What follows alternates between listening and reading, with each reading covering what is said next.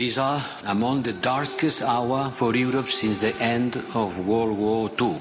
Мы готовы к любому развитию событий. Der er nu krig i Europa. –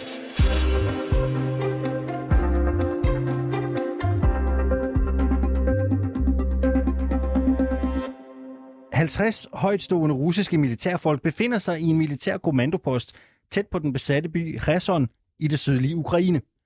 Kommandoposten bliver ramt af et ødelæggende ukrainsk angreb.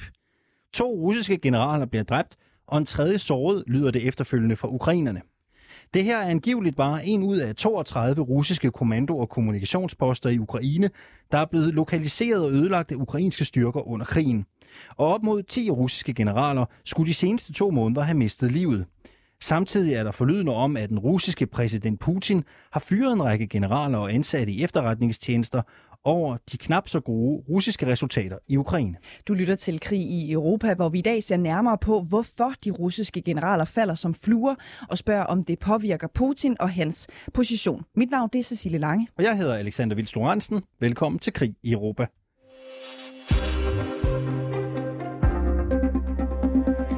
Højtstående russiske generaler er med ude på slagmarken i Ukraine. Og op imod 10 af dem, de har indtil videre mistet livet under krigen. Så lyder det blandt andet fra det amerikanske erhvervsmagasin Forbes. Og det her antal er ekstraordinært højt. Jakob Barfod, godmorgen.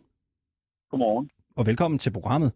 Du er militær forsker og Ph.D. i militær ledelse fra Institut for Ledelse og Organisation på Forsvarsakademiet. En af de dræbte russiske generaler er angivelig generalløjtnant Yakov Rezantsev, der ledede den 49. armé i det sydlige Ukraine, altså en meget højt rangeret mand. Man skulle tro, at sådan en mand som ham og generaler helt generelt var nogen, der holdt sig på behørig afstand af frontlinjen. Hvorfor er de her russiske generaler med ude på slagmarken i Ukraine? Jamen, det er jo et interessant spørgsmål, hvor der måske i hvert fald er, er, er tre øh, mulige svar. Øh, for det første, så kan det typisk handle om at øh, prøve at skabe overblik over, hvordan at enhederne de kan anvendes bedst muligt. Øh, men det bør en general typisk ikke gøre så langt fremme på kamppladsen, men mere opholde sig i, i dybden af, af kamprummet. For det andet, så kan det handle om at vise, at de godt tør at være fremme i frontlinjen, for derved måske at skabe motivation og højne den nok efterhånden noget slunkende kampkraft blandt officerer og befalingsmænd og, og menige. Og endelig for det tredje, så, øh, og nok mere sandsynligt, så kan det handle om at øh, udøve øh, en form for autoritær ledelse med måske øh, straf og direkte ordregivning derude. Krigen giver måske ikke øh, den store mening for soldater at føre mere, og de tænker måske, hvad laver jeg i grunden her, og hvad er meningen med den her såkaldte specialoperation, som de jo kalder det. Og det, det, skal vi lige, mening, det skal vi lige være skarpe på. Er det simpelthen fordi, de ikke har tillid til de menige soldater? Det kan i hvert fald være, være en årsag, at øh, de menige soldater er, er ude for et meningstab, og det lukker simpelthen ned for forhandling, øh, hvilket bliver dybt kritisk i, i kamphandlinger. Så hvis man ikke kan se meningen med det, så øh, har man nok øh, ganske svært ved at, at rejse op og, og løbe hen øh, i, en, i en sværm af, af lysbordpositiver fra de ukrainske styrker. Så, øh, så de må nok frem og, og, øh, og så at sige sparke dem øh, frem ud over, ud over kamppladsen. Øhm, hvorfor er det, du har været lidt inde på det, altså hvorfor er det generalerne ikke har den her tillid til deres øh, soldater?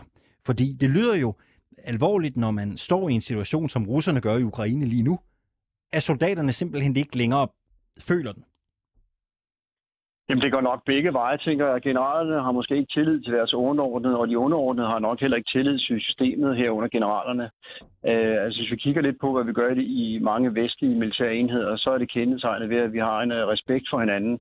Og respekten er også at acceptere uh, andre personlige grænser ved at vise nærvær, være til stede, lytte aktivt, empati, være nysgerrig og ture give løbende feedback, også til sine chefer og ledere, med respekt for hinanden og respekt for den opgave. Og den russiske her er jo på mange områder, og i et vestligt perspektiv populært sagt et redselsregime, der er gennemsyret af kontrol, mistillid og straf, og det er dybt inddraget i, i organisationen.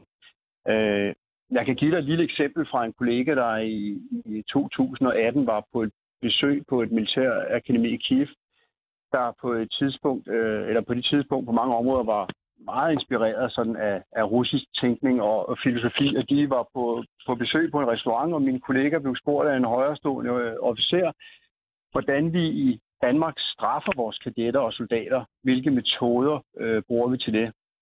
Og set i en dansk kontekst er sådan et spørgsmål helt absurd, da vi netop ikke tror på, at vi i en militær organisation kan skabe tillid ved måske endda korporligt at straffe vores soldater, hvis de ikke øh, gør præcis som, øh, som, øh, som anvist. Og heldigvis så er det ukrainske militær øh, siden da, øh, der har de nyt godt af træning fra flere NATO-lande, så de nu i højere grad arbejder ud fra principperne om det, vi i mange NATO-lande kalder for aftrækstaktik. Altså at arbejde ud fra hensigter og tillid og rammer og initiativ, decentralisering og undgå den her topstyring, som vi ser i, øh, i mange steder i det russiske militær. Øh, lad os lige prøve at sætte nogle flere ord på det, fordi øh, det er jo helt exceptionelt, det vi ser med de russiske generaler. Men hvor meget skiller det sig ud fra, hvad vi ser i øh, vestlige øh, generalers funktioner eksempelvis? Jamen, øh, altså, vestlige generaler øh, vil øh, jo typisk øh, være længere tilbage i, øh, i, i kamprummet og, øh, og træffe deres beslutninger fra øh, et, øh, nogle kommandocentraler, som ikke nødvendigvis står helt fremme i, i kamplinjen. Så hvad det er der for de russiske generaler til at være, være helt fremme der, det, øh, det kan jeg selvfølgelig ikke i detaljer øh, svare på. Men det er ikke altid hensigtsmæssigt at, at føre helt fremme og ved selvsyn konstatere, hvad der sker i sådan en, øh, en moderne øh, krigs, krigsførelse, som vi ser her, hvor man har et væld af teknologiske hjælpemidler, hvor man øh, har gode muligheder for øh, i dybden af sådan et kamprum at, at træffe de beslutninger, der skal træffes, øh, fordi man har faktisk rigtig, rigtig god indsigt, og man har steder, hvor information bliver samlet. Det er klart, hvis man står øh, fremme på, øh, på linjen og kan skue over på den ukrainske øh, del, så kan man kun lige se de her måske 1000-2000 meter frem, og, og hvis man er så tæt på, så er man selvfølgelig, kan man selvfølgelig også udgøre et mål for en, en ukrainsk finskytte, som jo skal bruge sådan typisk øh, 1000-1200 meter i sin optik for at kunne se, okay, det er, det er en, en general, det er nok et lønnende mål. De russiske generaler, de er altså som sagt med ude på slagmarken i Ukraine. Øh, det ser også ud til, at flere af dem mister livet. Øh, bare fod, går ukrainerne direkte efter de russiske generaler? Ja, det ved jeg jo ikke, men må ikke det er meget sandsynligt. Altså i et topstyret system som det russiske, hvor uh, initiativ og selvstændig tænkende virksomhed nok ikke er det, man bliver belønnet for, så kan det give rigtig, rigtig god mening at fjerne toppen. Øh, for går systemet, øh, så, så går systemet simpelthen øh, i stå, hvis man fjerner øh, øh, toppen. Ingen tør træffe beslutninger, øh, og manglende handlinger på kamppladsen kan være fatale. Som man siger, altså, skal man et uhyre til livs, så må man kappe hovedet af, af slangen, og går en militær enhed i stå, så udgør det straks et øh, mere sårbart og lønnende mål. Så når generalen han ikke kan, kan befale mere, så kan man godt forestille sig, at så er der rigtig mange enheder, som, øh, som går i stå og tænker, hvad skal vi så nu? Vi er ude i spekulationerne nu, men hvordan lokaliserer og angriber ukrainerne de her generaler? Ja, det er også et godt spørgsmål, som øh, jeg selvfølgelig ikke kender øh, de, de, de detaljerede svar på, men der er nok flere muligheder. Øh, forudsætningen for en hver vellykket militær operation er i princippet gode og valide efterretninger fra for eksempel lokale øh, mennesker på jorden med en telefon, eller gode livestreamede drone, eller satellitbilleder, eller anden overvågningsdata, og måske øh, til lige mulighed for elektronisk øh, aflytning. Og har man det, så står man i moderne krigsførelse meget godt stillet i forhold til præcis at, øh, at ramme øh, et, et givet mål. Og så kan sådan et angreb selvfølgelig også være mere eller mindre indirekte, hvor generalen tilfældigvis opholder sig et sted, der angribes. Eller det kan være sådan direkte målprioriteret, hvor man angriber med for eksempel et præcisionsstyret øh, våben. Øh, og så som jeg nævnte, øh, hvis generalen af en eller anden årsag er meget tæt på kontaktlinjen, så kan han selvfølgelig også tages ud af en, af en finskytte, som kræver, at, at han i hvert fald er inden for sådan 1000-1200 meters afstand. Ifølge den hollandske analytiker Steen Mitzer, der blandt andet skriver for det undersøgende medie The Bellingcat, så har de ukrainske styrker indtil videre lokaliseret og ødelagt 32 russiske kommando- og kommunikationsposter. Det lyder umiddelbart af meget, så det må jo være nogle virkelig gode efterretninger, ukrainerne får. Jamen, det har du helt ret i. Øh, og som jeg sagde tidligere, hvis man forestiller sig, at de har en, en god adgang øh, til efterretninger, og det er der jo meget, der peger på, at der er, er, er nogen, der måske hjælper dem med det, så, øh, Øh, så har man øh, rigtig gode muligheder for at, øh, at ramme mål meget præcist. Så hvis man ved på, på det, vi kalder en, en, en 8-cifret koordinat, altså en, en meget præcis, præcis stedangivelse på, på et kort eller udtrænget, så kan man jo med forskellige våbentyper øh, meget præcist øh, ramme. Men som sagt, forudsætningen er, at de har rigtig gode efterretninger, og der er jo øh, øh, mange forskellige øh, venligsindede nationer, som givetvis øh, øh, spiller et, et pus i den henseende. 32 ødelagte kommando- og kommunikationsposter. Altså, kan vi være sikre på, at de tal er retvisende? Nej, altså vi ved ikke præcis, om det er det, men, men generelt set, så er der jo øh, øh ret mange vestlige kilder, som øh, efterprøver øh, de øh, oplysninger, som især ukrainerne kommer, øh, kommer frem med, hvor de øh, på med, med meget præcise stedangivelser ved hjælp af, af GPS og øh, fotodokumentation prøver at efterprøve, er det rent faktisk rigtigt eksempelvis, at ukrainerne hævder, at de har øh, bekæmpet så mange russiske kampvogne. Og der er altså rigtig meget, der peger på, at øh, en stor del af de informationer, som ukrainerne de kommer med, de er, de er rimelig øh, valide. Om det lige er de her øh, par 30, det ved jeg ikke, men, men, jeg, men jeg tænker, der er, er der er, er, er givetvis noget om sagen, når, når ukrainerne de hævder det. Så lad os lige prøve at vende tilbage til generalerne. 10 russiske generaler er angiveligt faldet på bare to måneder. Hvor mange generaler kan man egentlig tåle at miste i en krig? Ja, det findes der ikke sådan noget øh, øh, klart øh, svar på, øh, da det jo er relativt i forhold til øh, eksempelvis den russiske hærs størrelse. Men altså, det er jo en stor her, der er i Rusland. Det vil sige, at de har mange flere generaler, end, end vi for eksempel har i, i, i Danmark. Men spørgsmålet er, om de generaler, der er tilbage, om de er kompetente. Rusland har jo nok i starten indsat deres øh, bedst egnede generaler, øh, så nu kan noget pege på, at øh, de nye generaler, de måtte indsætte, de måske vil være mindre kompetente, mindre erfarne. Hvad kan det betyde for en krig? Samme følgeskab. Hvad kan det betyde det for en krig, hvis man øh, lige pludselig kun står tilbage med B-holdet, ikke? og man bliver nødt til at indsætte dem i stedet for?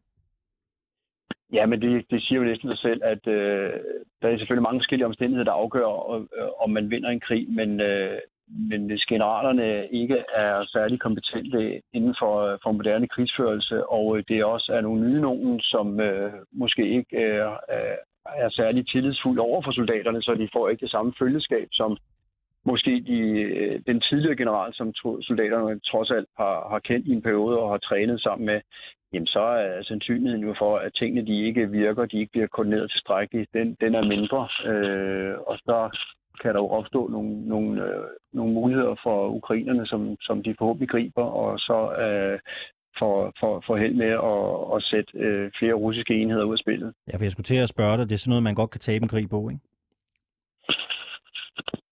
Altså, det, øh, det er da i hvert fald en mulighed. Man kan måske også godt forestille sig situationer, hvor en, en, øh, en, øh, en, en udulig general, om man så må sige, alligevel får, får held til at, at gøre noget, men, men langt overvejende, så vil, jo, vil det jo pege på, at jo mindre erfarne og kompetente de her generaler er, jo, jo mindre er sandsynligheden for, at de rent faktisk kan lede og føre deres enheder på, på en, en, en betryggende vis. Lige inden vi slipper dig her til sidst, øh, det er jo også interessant at vide, ikke? Findes der nogen fortilfælde for så høj, øh, ja, hvad skal vi sige, dødelighed blandt generaler i en øh, krig?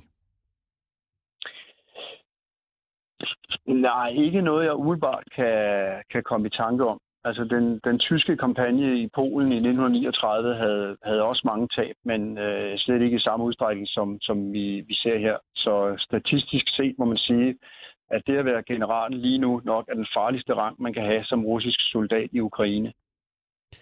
Jakob Barfod, militærforsker og Ph.D. i militær ledelse for Institut for Ledelse og Organisation på Forsvarsakademiet. Tak fordi du var med her til morgen. Ja, selv tak. Det var en fornøjelse. Det var det også. Øh, fornøjelsen var helt på vores side. Vi skal lige tilføje, at russerne ikke har bekræftet drabene på deres generaler. Oplysningerne om drabene kommer typisk fra det ukrainske forsvarsministerium eller fra det ukrainske militær.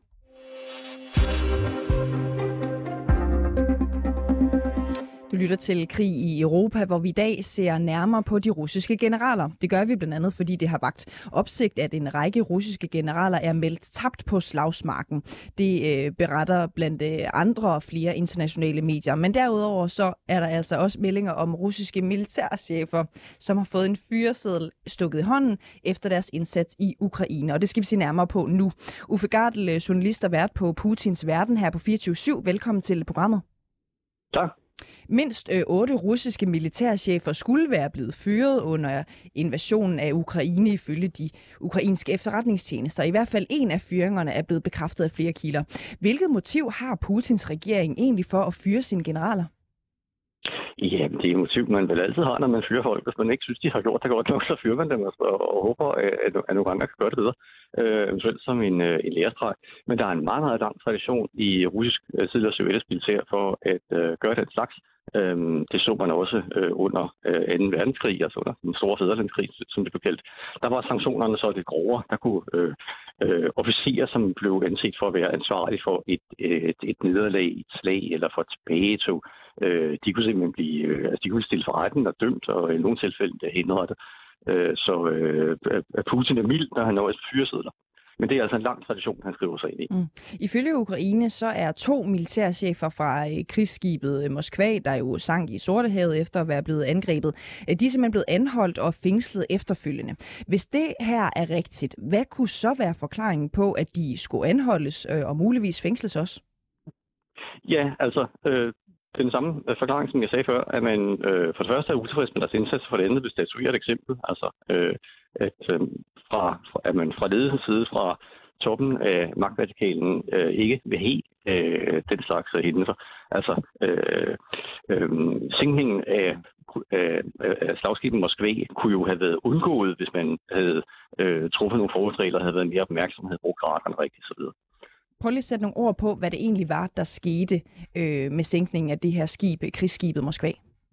Ja, det øh, ved vi jo ikke, fordi russerne har ikke bekræftet det. Russerne har bare øh, bekræftet, at der udbrød en brand. Mm. Øh, men øh, det, som øh, ukrainerne selv siger, og det, som øh, Pentagon bekræfter, er, at det blev ramt af to øh, antiskibsmissiler, øh, Neptun hedder de, øh, som er en relativt nyudviklet konstruktion, men sådan øh, øh, i sin øh, substans et øh, ret traditionelt våben, øh, som altså ramte det, det, det, det, det, det, det underlige og fascinerende er, at skibet befandt sig langt ude i øh, Sortehavet, altså langt væk fra den ukrainske kyst, øh, men man kunne altså, øh, ukrainerne kunne altså lokalisere det, øh, og de har til sikkert fået efterretningshjælp fra, fra USA eller fra andre vestlige magter.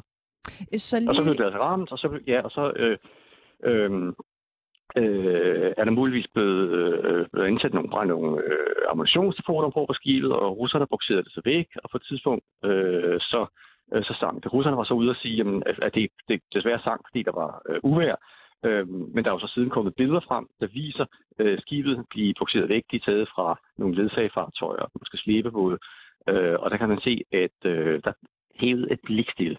Øh, men skibet øh, ligger lavt, øh, og det krænger lidt øh, hvilket viser, at øh, der altså trækker øh, mere vand ind, end man kan nå at få Altså for at opsummere, altså vi hører, at højtstående russiske generaler bliver øh, dræbt på slagmarken, og derudover hører vi, at de også risikerer at blive fyret og sågar fængslet, hvis ikke øh, opgaven i Ukraine er klaret. Kan det her ryste øh, sådan de folk med stjerner på skuldrene, som er tæt på Putin, tror du, du nævnte tidligere, at øh, det her også handler om at statuere et eksempel?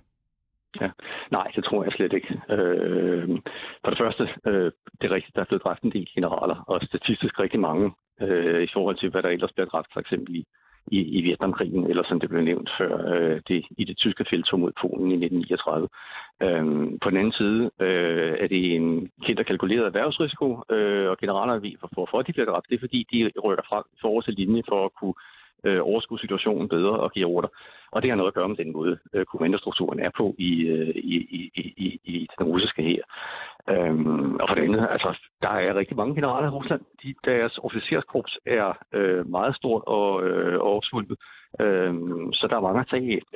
Øhm, det er den ene ting. Altså, det er, det er, at vi skal få ikke overdrive. Den anden ting er, at det øh, øh, russiske system er internt så øh, stærkt disciplineret, at det er øh, for mig utænkeligt, at der skulle komme et oprør. Altså så skulle vi ud i en helt anden, øh, ekstrem situation, end at der er blevet dræbt øh, otte generaler. Så skulle vi ud i noget virkelig, virkelig voldsomt. Kig tilbage på historien. Hvornår har vi nogensinde i, øh, i Rusland eller i det hele taget i diktaturstater set, at øh, hæren eller forsvaret har sat foden ned og sagt, det her går ikke. Øh, vi må øh, vi må stande sig og, og gennemgå. Altså, vi, vi er ude i ekstreme øh, situationer. Portugal for eksempel i 74, altså nedlæggerevolutionen, ikke, hvor øh, man, man, man, man førte en krig, der så, vidt jeg husker, ud en tredjedel af landets øh, bruttonationalprodukt hvert år. Øh, altså, det skal ud til noget, og, og der er vi slet, slet ikke i Rusland. Det er helt utænkeligt, at der skulle komme et oprør indenfra. Og øh, en ting er jo måske, at, at forsvar og så videre og, og militær øh, substans gør, gør oprør, men øh, er der ingen chancer for, undskyld, risiko kunne man også vælge at sige, øh, Putins, at Putins egen inderkreds kunne finde på at gøre oprør mod præsidenten? Altså, det er fuldstændig rigtigt, når du både ser chance og risiko, fordi vi ved jo ikke, om der er givet sig vil efterfølge Putin. Øh, det kunne som godt blive en, der fik os til at savne Putin. Øh, den mulighed foreligger. Men nej, det tror jeg ikke på. Øh, altså, øh, Putin, man, man taler tit om, at det øh, putinske, russiske diktatur er så specielt russisk. Det er helt særligt russisk og bygger på særlige russiske traditioner osv. Det er jeg ikke enig i. Det er et, som jeg ser det, klassisk øh, personcentreret diktatur, altså hvor der er øh, på den ene side en øh, diktator, en hersker, med stor karisma, og som regerer i kraft af den karisma. Og på den anden side er svage institutioner, fordi de to ting hænger sammen. Øh, og den slags øh, diktaturer har man set og ser stadig øh, masser af eksempler på. Øh, og, og sådan nogle diktaturer øh, har så altså ikke stærke institutioner, der der er ikke sådan... Øh, sådan øh, øh, mulighed for, for en organiseret modstand, altså at for eksempel en øh, generalstab i en her eller nogen kunne sige, nu må vi, øh, må, må vi slutte det her. Øh, diktatoren kontrollerer alt, og han kontrollerer det i kraft af den enkelte øh, deltagers, altså den enkelte medlem af magtpyramidens person i forhold til diktatoren. Lad os lige... Øh, og så en situation, der er det altså svært at forestille sig, øh, at man pludselig så at sige, skulle bryde en fane og træde ud. Se nu, jamen, altså øh, uden sammenligning i øvrigt, se på Nazi-Tyskland. Hvad så vi reelt af forsøg på at vælge Hitler? Vi så masser af attentatforsøg, men de kom øh, aldrig fra hans inderkreds. Og lad os lige prøve at se nærmere, trods alt, på nogle af de personer, som er tættest på Putin her under øh, invasionen af Ukraine. Vi tager først et kig på den russiske forsvarsminister. Altså en gråhåret øh, mand, som øh, mange mm. efterhånden øh, kan... Kan du høre mig? Jeg hører dig højt og tydeligt. Det lyder godt. Øhm, som vi efterhånden kan, kan genkende, når han sidder i sin militære uniform øh, på siden af sådan et enormt langt brunt øh, tramp bor i en eller anden træsort øh, med Putin for enden selvfølgelig. Altså, hvor tæt er han øh, knyttet til Putins planer i Ukraine, er, er din vurdering? Altså, han har været med til at leve, det er jeg helt sikker på. Øh, han er øh, meget tæt knyttet til Putin, øh, har været det altid. Han arbejder sammen med Putin rigtig, rigtig lang tid. Øh, og havde faktisk et navn i sig selv, før Putin blev, øh, blev præsident. Så øh, han er en af de meget få overlevende som for hele tiden. Øh, han har dermed også en, en magtbase, som er, er uafhængig af Jeltsin. Øh, men jeg kan slet ikke forestille mig, at han skulle øh, komme til at spille nogen rolle som aftræer. Altså, øh, hvis vi taler om, hvem kunne tænke sig at tage over fra Putin, øh, så øh, må vi bare kende, at i et personaliseret, personfixeret diktatur, som det jeg vil påstå, Rusland er, øh, der er det noget, øh, diktatoren øh, bestemmer. Og, øh, og det vi... Nu er Putin jo altså efterhånden, han fylder 70 i år, Øh, så han gør sig sikkert de her overvejelser. Han har sikkert nogle mennesker i kigger. Han har sikkert flere øh, i kigger. Øh, vi har ingen enelse om, hvem det er. Vi kan gætte øh, på, at det kunne være den, og hvad med ham, og han gør det egentlig også udmærket. Men lad os bare gøre og det. Skal vi gætte lidt? Ting er, den anden ting er, at det er nogen, det er med sikkerhed nogen, der allerede har en eller anden post. Men det behøver ikke være en højstående post. Mm. Altså, husk lige på Putin selv. Ikke? Øh, han kom ind øh, op i graderne, var øh, øh, FSB-chef. Øh, og så pludselig blev han øh, premierminister og så øh, præsident. Øh, så man kan gøre en meget hurtig karriere, hvis øh, magthaveren får øje på en i systemet. Ja, men du vil gætte. Jeg vil øh, gerne gætte, ja, og jeg vil øh, komme med et bud. Altså, ja. kunne det være sådan en som uh, Sergej uh, Narashkin, altså spionchef og leder efter uh, uh, efterretningstjenesten SVR?